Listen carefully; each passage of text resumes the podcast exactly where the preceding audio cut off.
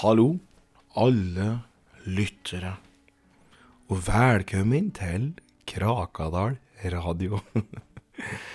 Det var kanskje den kleineste introen jeg har hatt. Nå skal jeg ta til meg skjorta. Nå skal jeg ha på bare T-skjorte for den, denne episoden her. Om ingen ringere enn Wilhelmina Johansson, født 1699, død 1715. Det sier seg sjøl. Dette var et kort liv. Det var et eh, trått liv. På godt og vondt. Jeg skal ikke bruke så mye tid på å skvudle, skvadler eh, for mye om eh, i dag. Dette her tenker jeg vi har et program, en historie som er eh, ganske lang, og tenker at den skal få lov til å binde eh, nå. Slik var det at av Wilhelmina Hun ble født under uh, dystre omstendigheter i Värmland en iskald høstmorgen i 1699. Hennes foreldre Sally og Johannes de uh, var av de fattige i Värmland og hadde driget på seg en del gjeld, samt at de òg var De var jo flyktninger fra Savolax i Finland. Eh, og når Wilhelmina bare var noen eh, få dager gammel, så kom det svenske opprørere, eh, som virkelig hater finner mer enn noe annet, og drog med da far Johannes ut der. Slo han hardt i hjel, mens de òg satte fyr på reikstua deres.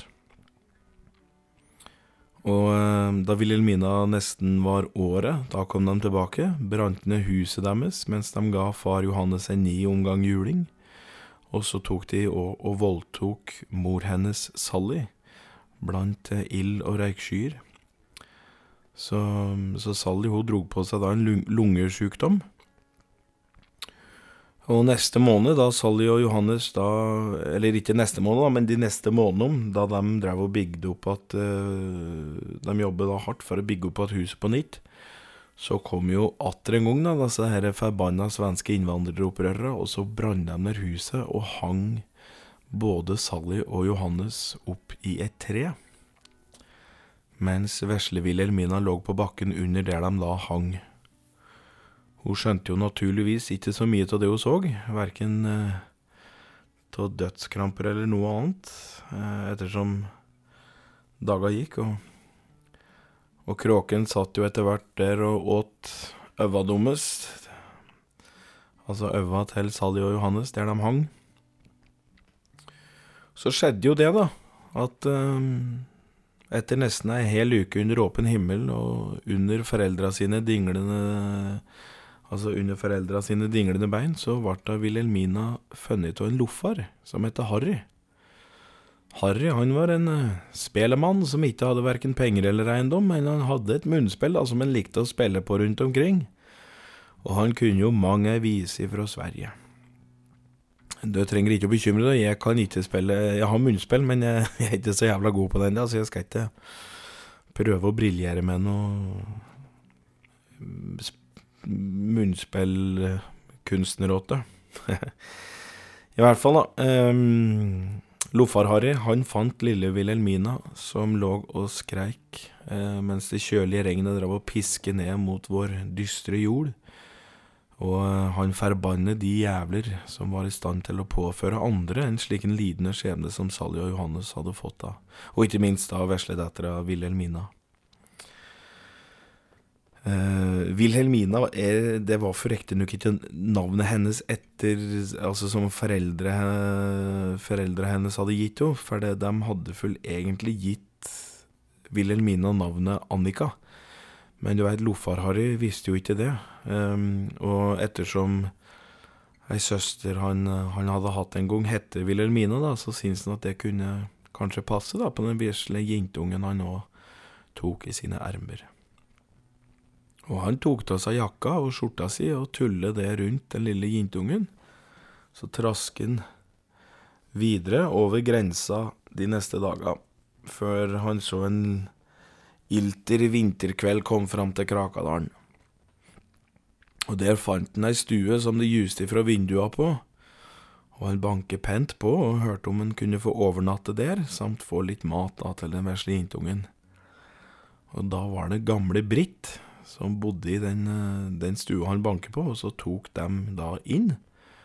Og hun lot seg forkyste litt da, av så meget av han Loffar-Harry sitt munnspilleri, at hun lot dem få bo der ut vinteren. Og Harry han bidro med å hogge tømmer og finne ved, samt å spille litt på markedsplasser og diverse, da, slik at gamle-Britt fikk noen skillinger for hennes gjestfrihet. En Lofar-Harry han lå på gulvet, og Wilhelmina hun lå i ei trekiste. Og når sommeren kom, da tok Lofar-Harry med seg Wilhelmina ut på veien, og de trasker rundt på jakt etter blåbær og møltebær og rips og epler og haukeegg rundt omkring i skogen. Og de bodde under uh, trær, altså busker og diverse, og så bodde de òg under steinrøyser som de fant. Um, Lofar-Harry tok gjerne og vandret rundt til de litt finere plass som i Krakadalen, og så stjal han da med seg både finere busseruller fra den beste ulla, og så litt eplesaft og mjød så kan det forlå lov hende at han stjal med seg ei anna løskatt fra bygda da, og kakk henne i hjel med kniv, og så hang over bålet til kvelds så de hadde litt mat. Og ofte satt Wilhelmina rundt bålet på kvelda og hørte på Lofar-Harry spille både muntre og triste toner på munnspillet sitt. Og det var gjerne mens stjernene lyste opp plasser åt dem som ingen levende øver tidligere hadde sett. Når eh, og så skjedde jo det at når Wilhelmina var seks år, da begynte jo hun å undre på litt ting, da. Blant annet det hvorfor Lofar-Harry ikke hadde ei ega stue, for eksempel, og hvorfor han aldri hadde råd til noen ting slik som de andre hadde. Og Lofar-Harry han begynte å fortelle en dag. Lille Wilhelmina vesle, du skal nå høre. En dag før du ble født, etter at min mor og far dog, så hadde jeg og min bror arve gardstunet vi en gang bodde på. Men så en dag kom elendigheta til vårt land, og myndigheter skulle plutselig kreve leie for all skog og jord vi eide og hadde. Jeg og min bror ga de først alle skillinger vi hadde, men når de kom etter mer, så hadde vi ikke råd til mer mat så vi endte med å bitte bort garn vårt mot en pose hvetemjel. Og etter at vi hadde brukt den posen, så sto vi igjen med ingenting. Dessverre så fantes det ikke annet valg for meg eller min bror enn å ta tiggerstaven fatt, men heldigvis har jeg siden barndommen lært meg å spille på min mors munnspill, slik at jeg kunne synge ei vise der og ei vise der for en liten slant, da. Så jeg har, så jeg har klart meg bra. Og på en slik Eller altså, ja, på en, på en måte, da, så kjennes det bra å være fri. Har ingen plass jeg må være i, bare vandre dit jeg vil og sjå her livet kan bjuda på. Og kjære Loffar-Harry, kan ikke du være så snill å spille ei vise åt meg, da? spurte Wilhelmina, og visst kunne Loffar-Harry spille ei vise, og dette var fantevisa, som hun kalte den, og den, eh, den, eh, den gikk slik, eh, om jeg ikke husker helt gæli. Nei.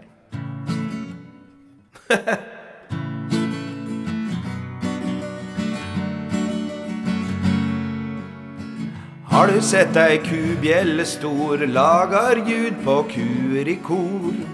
Og har du sett en hestesko som hesten har når trasker i ro?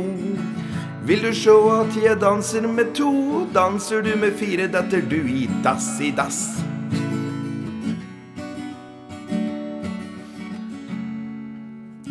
Jeg har inga penger, skogens mark har alt jeg trenger. Tror jeg sover i mange senger, mine bukser lider med slitne flenger. Vil du sjå at jeg i himmelen henger, i så fall må du gi meg penger. La-la-la-la-la-la-la-la-la-la. La-la-la-la-la-la-la-la. Aldri har jeg sett en gås, men kjerringer har jeg møtt som kjøtevås. Og snuten får meg aldri innom bås, sjæl om jeg stjeler litt i hver en ås. Vil du sjå jeg holder fast i vindens blås, reis til jordas ende, det kan jeg nås.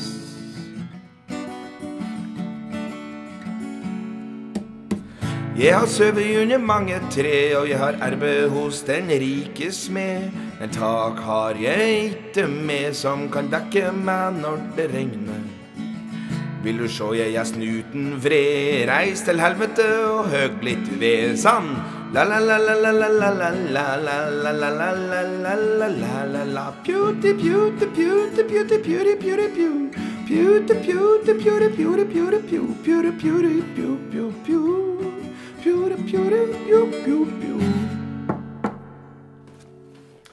Ja, slik gikk visa til en loffar, har du gitt. Jeg bare legger den ned. Jeg ommøbler litt i stua mi, vet du, så jeg har ikke gitarstativet rett ved godstolen der jeg nå sitter.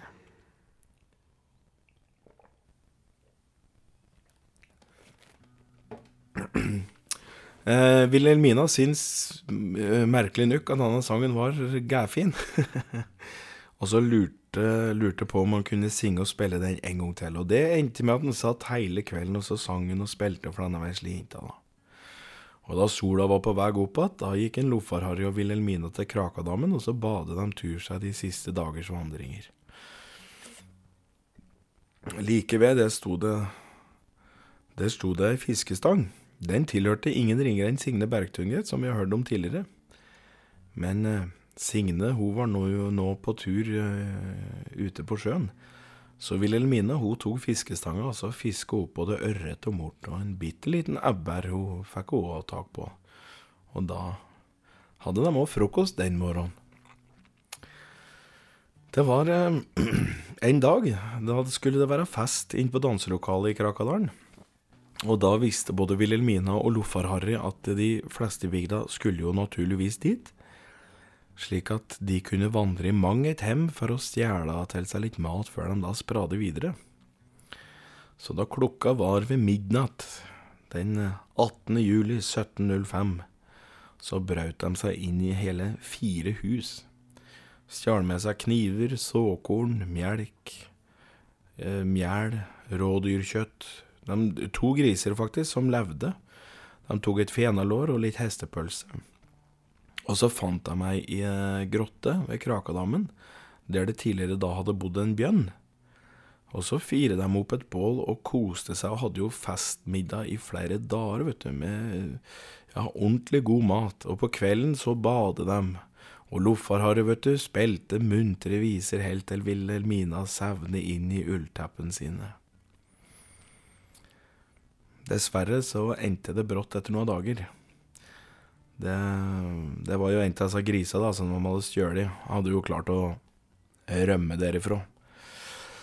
Og grisebonden Brutus, han hadde funnet den Brutus Valseth, vet du, det var jo, han var jo en av de verste folka Krakadalen hadde å by på, men eh, fordi han da var den eneste som hadde griser, så fikk han òg lov til å, å bo der på den tida.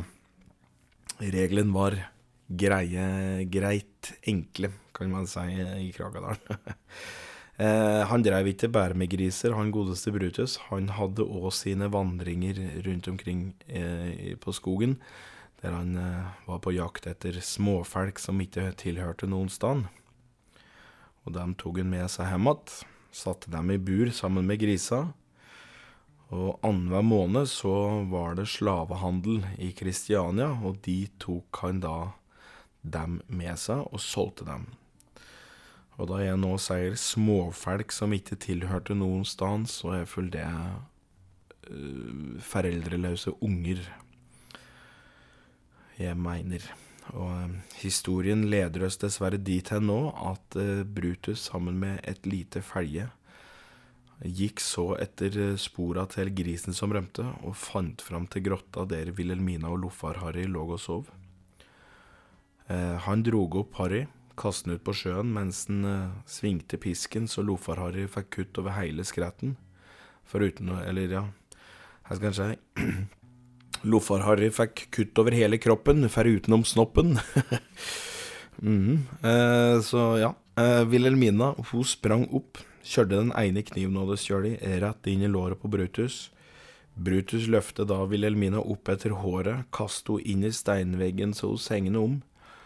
Lofar-Harry ble arrestert av soldater, ettersom Brutus han drev da hadde diktet opp ei historie da, om at, om at Lofar-Harry hadde kidnappet Wilhelmina, som, viste, som liksom skulle vise seg å være den forsvunne dattera hans for lang tid tilbake. Og det syns ikke soldatene hørtes rart ut i det hele tatt. For de visste jo det at Lofar-Harry var jo en beryktet tjuv og ranglefant, så så han tok dem med seg til Kongsvinger festning, og der eh, satte de ham i fengsel. Eh, Wilhelmina, dessverre, endte med å bli sittende i et bur med fire griser. Og de grisene, dem ga hun navnet Bolla, Fettflesk, Krøllfett og Mac. Det Det var, eh, det var ingen Det var, det var ingen trivelige griser hun satt med. De snøfte og grynte natt som dag, og gjorde ifra seg overalt. Så Wilhelmina hun satt og svav i dritt og lort, vet du. En gang om dagen kom en Brutus ut i fjøset der hun var, og drog henne ut etter håret, ga henne tre piskeslag. Han sa ingenting, han bare gjorde det. Um, og så hadde det gått et år, da ble det slik at hun satt i ei hestekjerre sammen med Brutus på vei til Kristiania og der ble hun solgt som sjuåring til en rikmannsfamilie som òg bodde i Krakadalen. Det var eh, familien Johansson. Det var ingen trivelig familie hun hadde endt opp hos. Det, eh, og det vites ikke hvor mange skillinger det var gitt for vesle Wilhelmina, men jeg tar nok ikke eh, helt gæli om jeg sier at det var rundt 30 skilling, tror jeg. Um, Hun var, eh, hun var, da på den tida der Hun var nødt til å lære seg vevestol, slik at hun kunne veve. Hun måtte lære seg å snekre, slik at hun kunne bygge badstue, stabbur og reikstue. Hun måtte lære seg å jakte, slik at hun kunne forsørge familien med mat. Og hun måtte vaske alle klær i huset. Og familien Johansson de var såpass rike og så fine på det at de hadde ingen utedo. Nei, Damen dem løfte bare på stakken og gjorde fra seg der det måtte passe i huset, og kæra drog bare ned buksen da de måtte gjøre sitt. Og vesle Wilhelmina hun måtte flige etter og både tørke og plukke opp. Uh, og på kveldstid så satt hun med et tent ljus ved sida av helmsenga si, og så regler hun ei regle, som Lofar-Harry hadde lært av, da. For han hadde sagt at Eh, hvis det da var slik at noen gjorde en ondt, så kunne man mane fram en trolldom om stjernom på himmelen sto riktig. Men Wilhelmine hadde jo ingen utsikt mot stjernom i bua si, så hun reglet hver eneste kveld i håp om at det, at det var tilfeldigvis da den kvelden da at stjernom skulle stå riktig. Og den regla hun satt og sa dag etter dag, den, eh, den gikk slik. Hakk di vesle fugl, dypp din stjert i sot, kakk deg sjæl tre gonger i enda, men hakk ikke meg. Hakk di i hjel, vesle fugl, dypp din stjert i glemsel, og dine klør i klippen og i steiner og stubber, men hakk ikke i meg. Da jula kom, i 1708, da hadde Wilhelmina vært slave for familien Johansson da i nesten to år, blir full. Da skjedde jo det underligste som ryktes og har skjedd i Krakadalens historie. For midt under julemåltidet, like før nissen skulle gjøre sitt innhopp, og mens Wilhelmina sjæl satt i bua si med en råtten gjedde på tallerkenen sin, så vart det faen ta meg et heidundrende leven på Johansson-tunet. For da ble hele huset stormet av kråker og ørn, og dem reivtur øva på alle i familien Johansson, både foreldre og de yngre, og de hakke og dem kakke, klorte og reiv og endte med å velte et juletre som da sto med sine tente ljus, og da gikk jo pokker tusen ta meg hele huset opp i flammer. Og mens fugla fløy ut igjen, sto Wilhelmina ute, og så alle disse store fuglene og de dystre, sorte, tunge vingene deres bære de minste av gårde ut i julekvelden. mens det hørtes uhyggelige skrik, kan si, fra Johansson-foreldra innafra huset. Og flammen dem omkranset skrotten deres, og det brente kjøttet lufte omtrent som kjøttet til boller og fettflass, krøllfett og mekk, som om de hadde slaktet like før julekvelden som skulle fòre hele Johansen-slekta og gjøre dem enda tjukkere og feitere enn jule, under, under juletida, da. Det var en jævla lang setning, fy faen. Og da Wilhelmina sto der aleine, da bestemte hun seg for å vandre til Kongsvinger, slik at hun kunne hjelpe Loffarharry ut av fangenskapet han nå satt i. Og etter fire dager med vandring, da sto hun endelig framme av Kongsvinger festning. Hun ventet til det ble kveld, og så sneik hun seg rundt omkring eh, vaktom, da, så de ikke kunne se, og så, og så tittet hun forsiktig inn i alle celler som var. Etter at hun da hadde gått gjennom de fleste celler, og alle var jo for så vidt tomme, da kom hun plutselig til ei celle i enda i enda av festningen, og der var jo Lofar-Harry. Han var spinkel og spjælet i kjaka, og han hadde en fæl hoste samt et grålig slør som lå som ei hinne over øya hans. Og vesle Wilhelminaen min, sa han da han så konturen hennes i cellevinduet sitt. Ja, det er meg, Harry, Wilhelminaen din. Nå har jeg kommet for å hjelpe deg, for jeg veit at du er døden nær, det sa ei trollkjerring til meg når jeg svav, svarte Wilhelmina. Ho-ho-ho, trollkjerringa har nu greit, vesle du, men lita er du ikke lenger, nei. Du har blitt større, kan jeg sjå, men dessverre kan jeg ikke gå, jeg er svak nå og har inga flere toner å bjuda på. Om du hadde fått meg ut, hadde du ikke fått meg langt.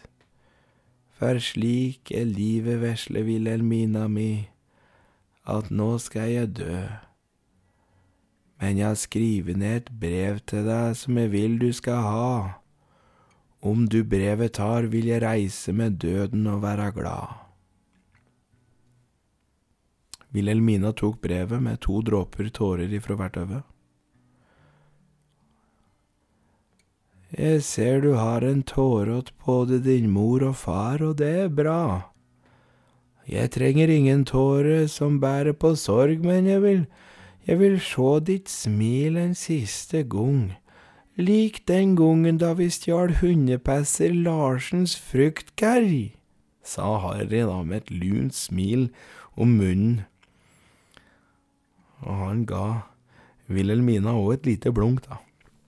Og Wilhelmina mintes den gangen de stjal fruktkerja til hundepesser Larsen, og med det minnet så smilte hun pent og varmt, og det var så pent at Loffar-Harry datt bakover med et glis om munnen og lot sjela stige til universets uoppdagede hemmeligheter.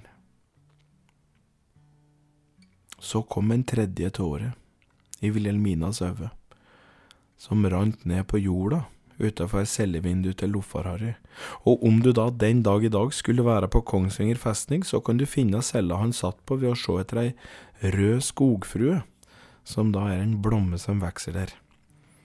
Og på den stilken så bærer det tre rosenrøde blommer med bleik underleppe, akkurat som Wilhelmina si underleppe.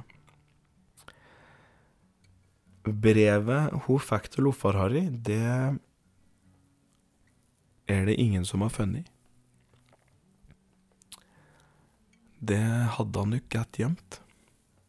Men slapp av, det kommer en brevleser, men det var et annet brev seinere i episoden. Men uh, det brevet til Loffar-Harry, det um,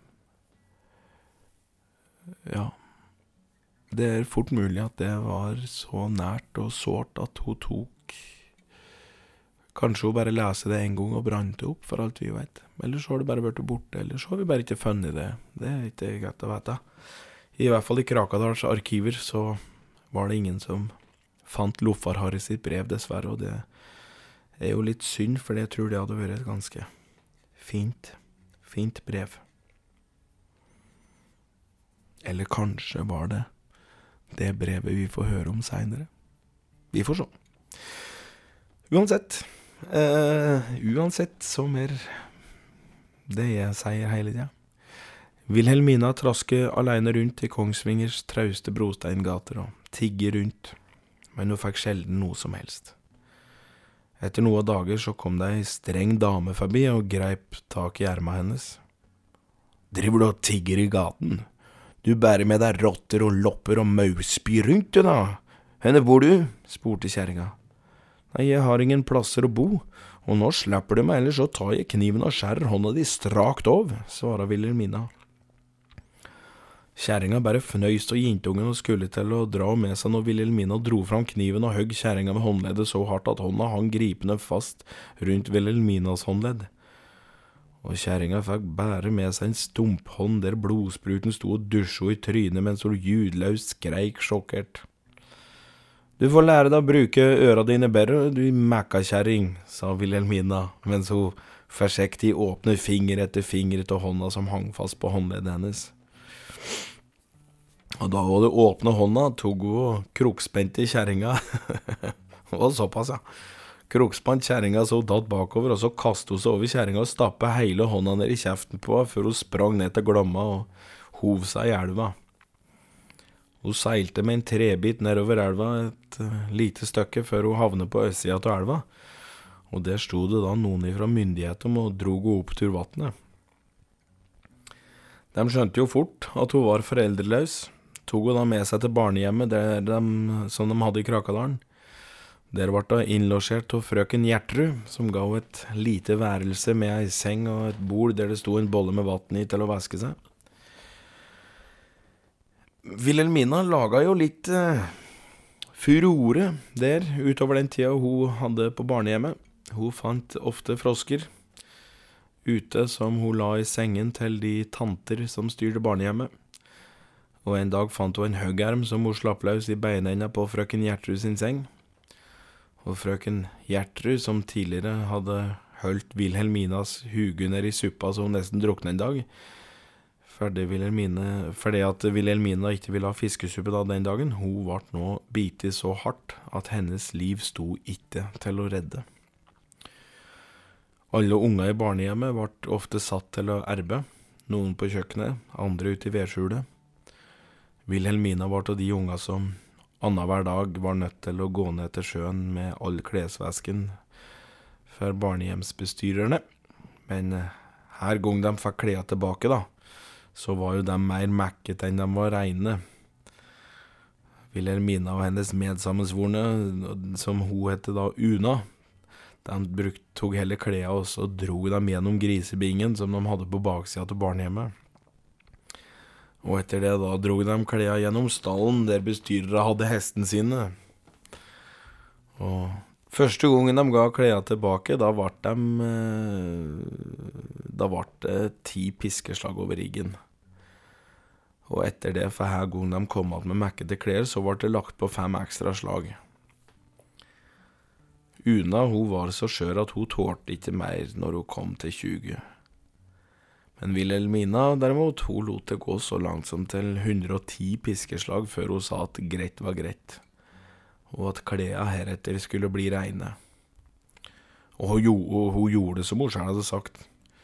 Hun og Una væsker klærne så reine som de aldri hadde vært før nede i sjøen, og bestyrere tenkte at de hadde gjort det riktig så bra med oppdragelsen av villbassejenta Wilhelmina, men de, de tenkte nok feil. Riktignok var det ingen som visste at det var Wilhelmina som sto bak haugermen som forgiftet frøken Gjertrud året før, men den siste dagen i mai 1710 da Wilhelmina var ti og et halvt år gammel, da fant hun et ekorn utafor vinduet sitt. Og dette ekornet viste seg å være full av faen, vet du. Han tilbydde jentungen at han, sammen med konglemafiaen, kunne lage et lite helvete på barnehjemmet. Og konglemafiaen hadde nå akkurat gått inn i et samarbeid med spettmafiaen og rottegangstere i skogen, så sammen kunne de lage litt opptøyer og støy inn på barnehjemmet så ville Elmina kunne rømme derifra om hun ville det, og det takk hun pent ja takk til. Vente tre kvelder, slik at ekornpuken hadde Som han hadde sagt hun skulle gjøre. Og så på den tredje kvelden, da banket det på vinduet hennes. Du søte lille flikke, beklager forsinkelsen, men mutter'n begynte å hikke. Nabo Grevlingsen fikk pustevansker, og for å knekke opp på kjeften på han, så måtte jeg først til, til byen for å stjele noen hansker, vet du. Deretter, vet du, så kom bestemor Harepus og lurte på om jeg hadde noen nøtter. Hun skulle få besøk av sine barnebarn, og de har hittil bare spist røtter. Og når jeg endelig kom av sted, så gikk jeg på en gris, og han hadde så innmari vondt under beinet, for der satt det fasan kakke med en flis. Men nå, jentebarn, er både jeg og nøttegjengen klare. Rottekompaniet står i kjelleren, klare til å bade, mens hakkespettrakettene henger i kvistene og venter på mitt signal, slik at de kan fly inn og krake, sa ekornet. Uh, kul type, virker det som. uh, Wilhelmina svarte jo at ok, alt er klart. Men at hun bare da skulle legge brevet hun hadde fått til Lofar-Harry i lomma si, så det ikke ble borte. Eh, tre minutter etterpå da sprang Rottum opp kjellertrappa og inn på bestyrere sine soverom, og hyl og kosteskaft som knuste mot vegg og gulv kunne høres ganske greit rundt om i bygda. Og så kom hakkespetta fligende inn i vinduer, hakke løs på hugua deres. Noen hakker dem i nakken, noen hakker løs på tenner på noen, og bestyrerne sprang som faen, vet du, ut ur dæra. Men der sto ekornmafiaen, da, klare å kaste nøtter for alt det var vel og slo rundt seg og slo rundt seg sjæl i ansiktet. Eh, og da drev jo disse herre eh, Damen, vet du, de, de barnehjemsbestyrerne, altså faen, de fikk jo så mye nøtter i skallen. Altså, noen fikk jo Noen svimte av, andre fikk hjernerystelse. Og andre de ble jo så da betutte, så de begynte å slæ seg sjæl i ansiktet. Akkurat som at de hadde mett ansiktet i fluer, omtrent. vet du. Og, og da påførte jo dem seg sjæl hjernerystelse, for de, de, var ganske sterke, disse damene der, altså. Og Wilhelmina hun sprang alt hun makte ut ur barnehjemmet og inn i skogen, og hun stoppet ikke å springe på flere timer. Så, ehm, og da hun endelig da, tok en pause, da var det ved en bekk. Og hun fant fram trekoppen sin og så begynte å drikke bekkevannet. Så hørte hun en stemme bak seg. Skal du Skal du langt? Wilhelmina snudde seg, så en skikkelse hun var usikker på om var mann eller dame. Skikkelsen var dekt med et sort sjal, en svart skjorte og bukse, skinnstøvler. Det eneste hun kunne se, var to store, merkeøyne. Jeg har ikke bestemt meg ennå, svarer Wilhelmina. Nei, jeg er en veiviser, faktisk. Så om du lurer på hvor du skal, så kanskje jeg kan hjelpe deg, svarer skikkelsen. En veiviser. Her tusen skal jeg bruke deg til når jeg ikke veit hvor jeg skal? Ja, det er godt spørsmål, men jeg har hundre svar. Ja, det er så fint. Eh, gi meg ett, da. Et svar på Ja, et svar på hva jeg skal bruke deg til, sa da mens hun slurper i seg vann. Veiviseren sto lenge og så på Wilhelmina og sa ingenting. Ja, kommer du ikke på noen? spurte Wilhelmina. Nei, svarte veiviseren. Nei, jeg tenkte meg det. Hvor skal du, da? spurte Wilhelmina. Nei, jeg er usikker, jeg har nemlig gått meg bort, ser du, svarte veiviseren. Har du Har du gått deg bort? Men ikke du en som bør vite veien, da? Jo, jo, jo, jo, du kan ikke si det, men uh, jeg har ingen retningssans, visstnok. Alle sa at jeg ikke burde bli veiviser, men jeg ville vise mor mi og far min at de tok feil. Dessverre for meg så gjorde de ikke det, da, og nå vet jeg tusen hvor jeg havner, jeg, svarer veiviseren. Wilhelmina begynte å le, og det, ja, faktisk, det er Det var faktisk den første gangen hun lo etter at uh, hun hadde forlatt Lofar-Harry. Hvor kommer du ifra, da? sa, endelig, sa hun endelig da når hun hadde fått latteren så vidt litt på avstand. Jeg kommer fra et sted som heter Flisa, sa veiviseren. Flisa? Det er jo ikke langt unna her. Det er jo bare et par timers rietur sørvest herifra, det, da, svarer Wilhelmina. Nei, faen, skrøner du med meg nå, eller? Spurte veiviseren, og da han fant ut det at Wilhelmina ikke gjorde det, ja, nei, da satte han seg ned til å furte litt, da, for fy så dum han hadde vært trakter rundt i disse skogene nesten i ti år, og så viser det at han har vært like ved hjemmet sitt hele tiden. Som takk for hjelpa. så, så fikk Wilhelmina en gave. Dette var en magisk gave. Her, dette er en, dette er en sampo. Den kan du bruke til her som helst. Et kompass, et astrolabium og Astrolabium det er da en måleenhet for stjerner. Og om du skulle måtte trenge det, en bysantisk mynt. Alt ettersom er du trenger det til. Akkurat nå er det et kompass slik du ser det, men om du tar, om du tar og putter den i skinnpungen din, så blir den til det du trenger at den skal være neste gang du tar den opp, ikke sant? Skjønner du hva jeg mener nå? sa veiviseren. Ja, men trenger ikke du kompass, da? spurte Wilhelmina. Nei, men faen, altså, i ti år har jeg vandret etter dette jævla kompasset, og er det noe jeg ikke er god på, tydeligvis, så er det å lese kompass, så heretter, da går jeg bare etter retningssansen min, jeg, og om det så gjør at jeg stryker meg, ja faen, da får det joggu være, sa veiviseren, og så forsvant den inn i skogen. Wilhelmina la seg ned til å sove, men den natta, da dukket nøkken opp i bekken der hun hadde drukket vann. Heldigvis hadde hun satt kniven sin i bakken, slik, at, slik du kan gjøre da, om, en, om du er nede vannet. Og i hvert fall der om du er nede et vann der nøkken er. Så, så, så er det ålreit å putte kniven ved sida av vannet. Det var faktisk en gutt uh, en gang inne på Krakadalen som hadde, han hadde gått til bånns i vannet. Uh, enda vannet hadde ikke røkken til kneet engang. Eh, men nøkken hadde tigen, da. Så, og når de fikk opp gutten, da var han blå over hele skrotten. Så lite fins det under lua når han ikke stikker stål i vannet før han går ut i vannet. Det hadde doktoren sagt en gang. Der, så, ja. Og Wilhelmina visste òg at det kunne være lurt å regle dit. Så idet hun så de gyllenrøde øva til nøkken stikke opp tur vannet, da og ga gjenskinn sammen med månen. Da reiste hun seg opp, og så så hun uvesenet i øva mens hun sa Nikkenøkk saltsekk, du er kattas horegutt og Jesu Kristu felje tjuv. Knip att din munn og klem ikke meg, knip att øva dine og sjå meg aldri meir.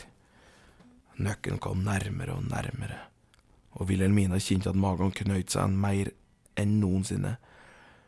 Plutselig Plutselig sank nøkken under sjøens overflate, og det var en damestemme som plutselig begynte å synge et vers som gikk. Ja, så faen, det gikk. Skal jeg, skal jeg i verden her en lang livstid vinne, og gjennom mange prøver til alderdommens finne? Gi meg tålmodighet, din hand meg leder hvor jeg går og damestemme og sang et vers til. Wilhelmina fikk lyst til å grine uten at hun viste hvorfor, men hun gjorde det ikke.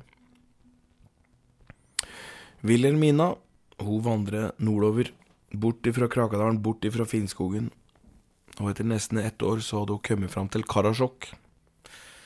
Der møtte hun samen Aino. Han Aino han hadde så mye rein at han ikke visste hva han skulle gjøre av alt, men det visste Wilhelmina. For hun visste at samen mangler sprit, enda hun bare var en 12-13 år på den tida. Og at om hun kunne få låne slede, slik at reinsdyra kunne ta hun hjem igjen, så kunne han følge etter med alle de dyra han ville få bort i bytte mot sprit. Jeg vil takke livet, sa Aino, og syntes det hørtes ut som en briljant idé. Han dro med seg 2000 rein, og sammen med Wilhelmina så dro de sørover igjen på hver sin reinslede med åtte rein hver på, og innen tre måneder så var de tilbake til Krakadalen. Før de kom til selve bygda, så sa Wilhelmina om det er slik at noen drar kinsel på meg og vil ha meg på barnehjem eller drar meg til festningen, du, lov meg det, lov meg at du beskytter meg, Aino. Det lover jeg, svarer Aino og ga Wilhelmina en high five i lufta. Disse kom inn på Krakadalen, og Wilhelmina dro straks til lensmannen, som var den beste spritbrenneren i bygda, og foreslo en byttehandel. Bygda får 2000 rein, sammen får 1300 liter sprit. 1300 liter sprit? Kjære lille frøken, du må vite at her i bygda er det ingen som sparer på spriten sin, så da må jeg pent brenne sprit sammen fire-fem are kærer de neste uka om vi skal få til såpass. Riktignok, eh, riktignok ja. Nei, du veit, jeg syns ikke det er så dårlig bitte, altså, for du forsmår ingen supsame uten navn, sa landsmannen. Mitt navn er Eino, og nei, jeg forsmår ikke sup. Mine lederrein er trøtte etter en lang tur, og så om det tar en uke eller to, så gjør det ikke noe. Fins det en seng som jeg og min nise kanskje kunne låne? svarer Aino. Ja, seng har jeg nok ikke men det er nå varmt ute, og på fjøsleftet, der er det hei som du kan ligge i.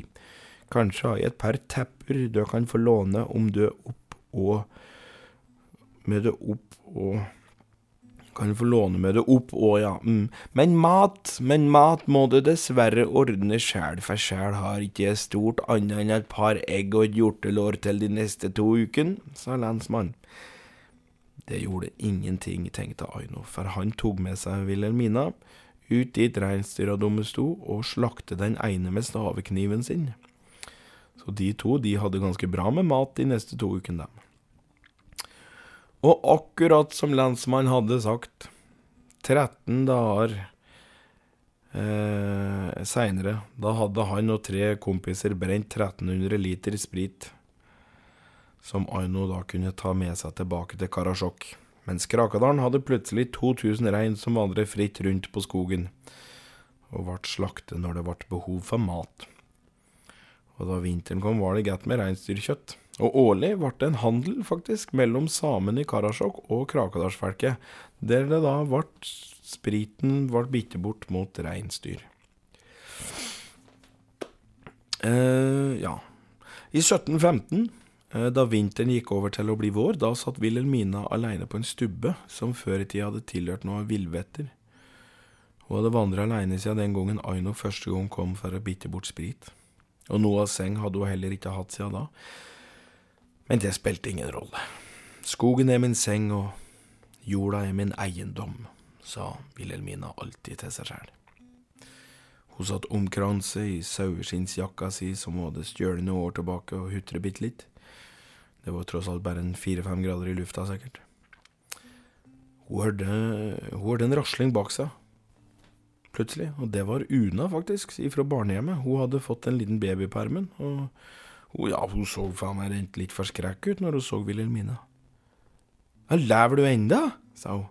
Ja visst lever jeg, har du fått unge? Ja, etter at barnehjemmet gikk ad unna, så ble jeg gitt bort til Brutus Grisbond, og Egentlig skulle han ta meg med til Kristiania og selge meg videre, men han klarte ikke å holde fingra av fatet en kveld han var full, så han kom en kveld han luftet sprit og drog meg ut av griseburet og satte en unge på meg. Hjalmar har jeg kalt den, sa Una. Hjalmar? Hvorfor det? spurte Wilhelmina. Jo, jeg kjente en kær som heter Hjalmar en gang, og han var jo så snill og ga meg sukkertøy da jeg kom med eggåten, så Ja, Wilhelmina kjente at hun ble jo egentlig glad, da over at Una òg en gang i tida hadde kjent noen som var god. De satt sammen ei lang stund og skravla, og så foreslo Wilhelmine at han kunne flette inn ei grotte ved Krakadammen, for der hadde jo hun bodd fær med Lofar-Harry, og det Så de gjorde det, da, flette inntil grotta der. Wilhelmine og Una var for ca. 15 år gamle, og de forelsket seg i hverandre og delte på omsorgen for vesle Hjalmar. Og sammen hadde de kanskje den fineste sommeren de noensinne hadde hatt noen gang. Og så hadde Una årsdag en uh, sommersdag. Uh, men du vet, Wilhelmina, hun Hun var ikke så flink med å uttale ord. Eh, så hun skrev et årsdagsbrev, visstnok. Eh, og det var det en eh, Det var det et unikum og en utrolig fargerik person som fant mens hun dreiv og kviste noe busker inn på Nordmarka en høst. Det var Ida Elise Broch. Eh, og dette fant jo og leste inn, vet du. Eh, i en eller annen turistforeningshytte med noen båndopptaker hun hadde. Eh, og før vi går videre om Wilhelmina, så skal vi nok få høre brevet Ida Elise leste.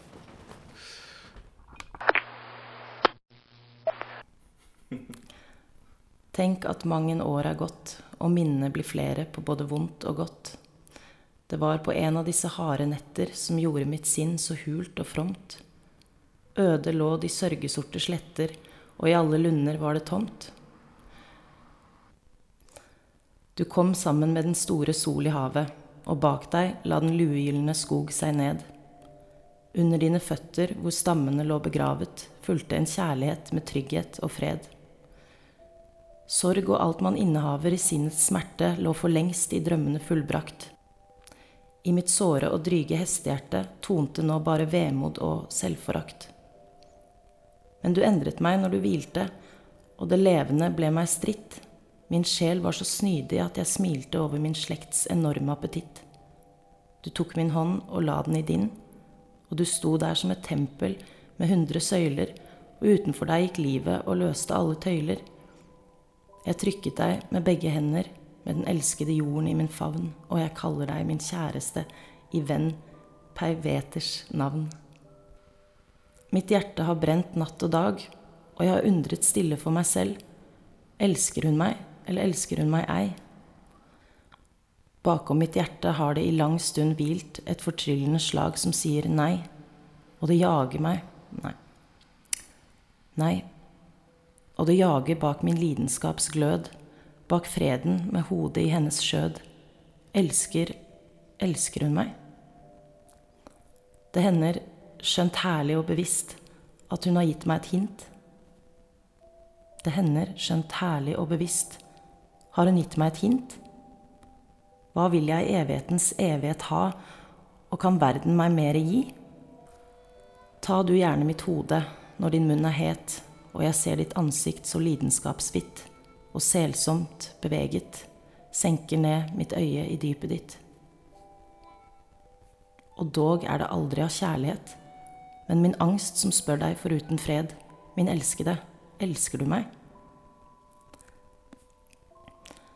Det suser i skogens fjerne trær, og slettende toner i vigørende sang. Ta landet, elskede. Ta landet, elskede, for det er ditt. Jeg skjenker deg lykken, forhåpentligvis en siste gang. I dag er det mm. I dag er du nok et år eldre, og jeg ønsker deg en deilig dag. Din Wilhelmina.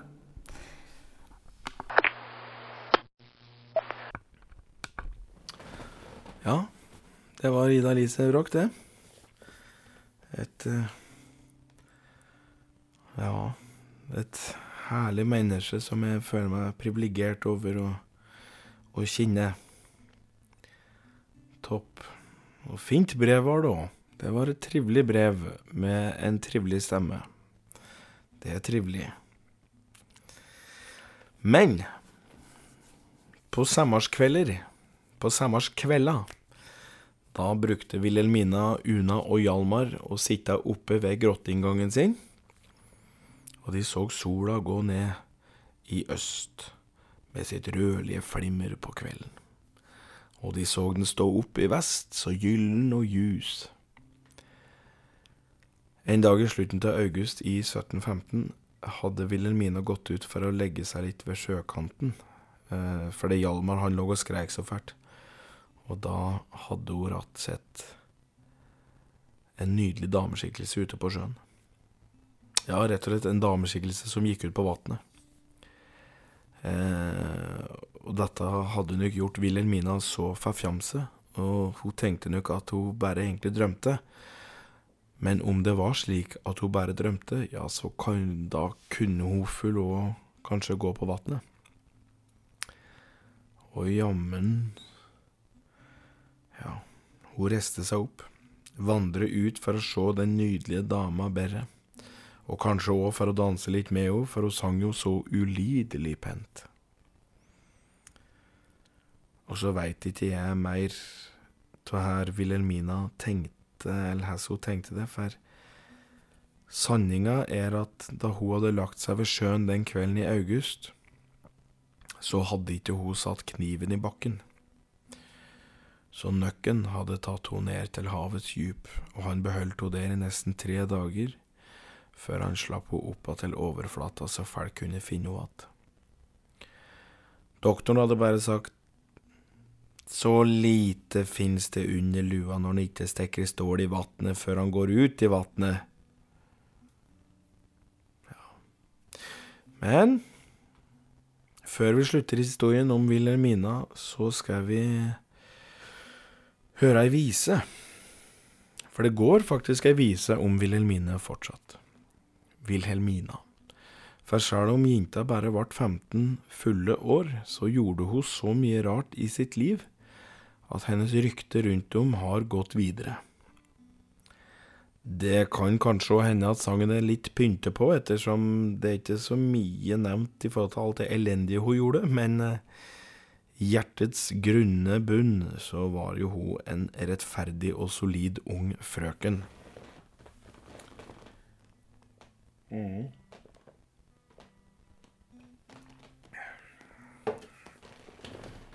Og sangen den uh, gikk full slik.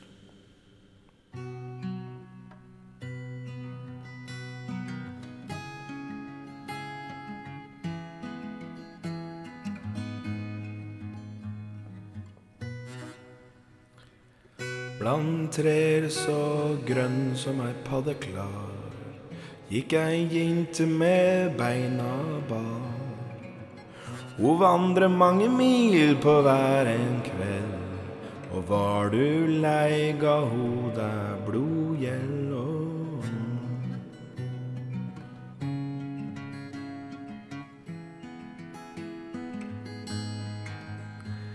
Blant fjell så grå som vargen var, gikk ei jinte med alle svar.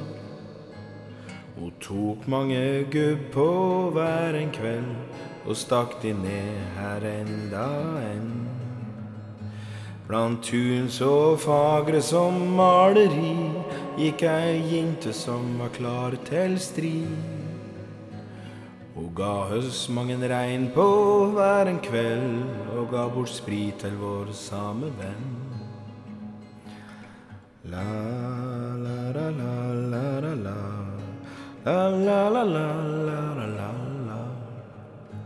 Blant hest og ku som sto parat, gikk ei jinte som var en løs pirat. Hun brant ned barnehjem en tidlig kveld og ga bort sjela si til Satans dreng. Blant vatn så blått som himmel stor, svømte ei til der nøkken bor. Hun svømte mange tak på hver en kveld, men så sa nøkken, nå kommer du i seng. Men så sa nøkkelen, nå kommer du i seng. La la la la la la la la la la la la la la la la La la la la la la la la la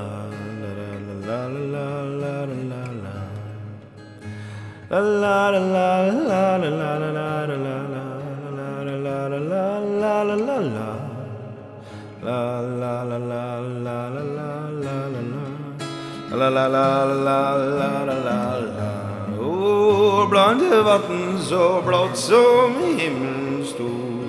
Svømte jeg inn dit nøkken bor Hun svømte mange tak på hver en kveld Men så sa nøkkelen, nå kommer du i seng. Så sa nøkkelen, nå kommer du i seng. La la la la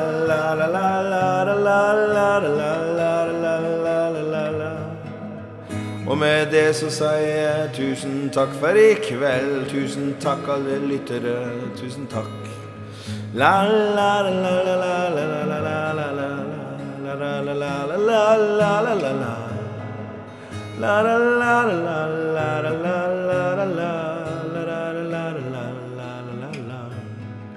og jeg vil takke Lida, Ida Lise Broch for at hun leste sitt brev og var så flott. Jeg setter så stor pris på alle du som hører, ja, tenk på det, det er ikke mange som røver der ute blant skog og tre. Nei, for alle sitter der i sine høge leiligheter.